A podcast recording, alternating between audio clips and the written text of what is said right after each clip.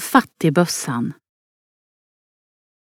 I bössan vid högbrunnen kunde den välbemedlade adeln lägga sina allmosor för att på så sätt finansiera vård med brunnstrickning på Medevi även för de allra fattigaste som kallades lasaretthjonen eller uslingarna. Det var prästerna som beslutade vilka av socknens fattiga som skulle få åtnjuta vård på Medevi hälsobrunn. De så kallade uslingarna vårdades på lasarettet på andra sidan vägen från högbrunnen sett. Vård för de fattigaste instiftades redan 1679 av Medevis första ägare, riksrådet Gustav Sop. Lasarettjonen vistades avgränsande från de välbärgade brunnsgästerna.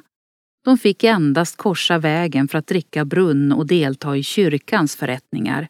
Annars fick de hålla sig på sin sida. De fattiga väcktes därför och fick dricka brunn allra först. Redan klockan två på morgonen, bondfolket klockan fyra och det fina folket kom till högbrunnen klockan sex för att dricka av det hälsobringande vattnet. Vissa somrar kunde de obemedlade sjuka på lasarettssidan uppgå till närmare 400 personer medan de finare brunnsgästerna bara utgjorde ett åttiotal. Uppehället för de så kallade uslingarna täcktes av insamlingar och donationer liksom av avgifter som betalades av de mer bemedlade besökarna. Upplev flera berättelser och objekt på plats med Geostory-appen. I appen kan du också tävla om att bli väktare och beskyddare för dessa.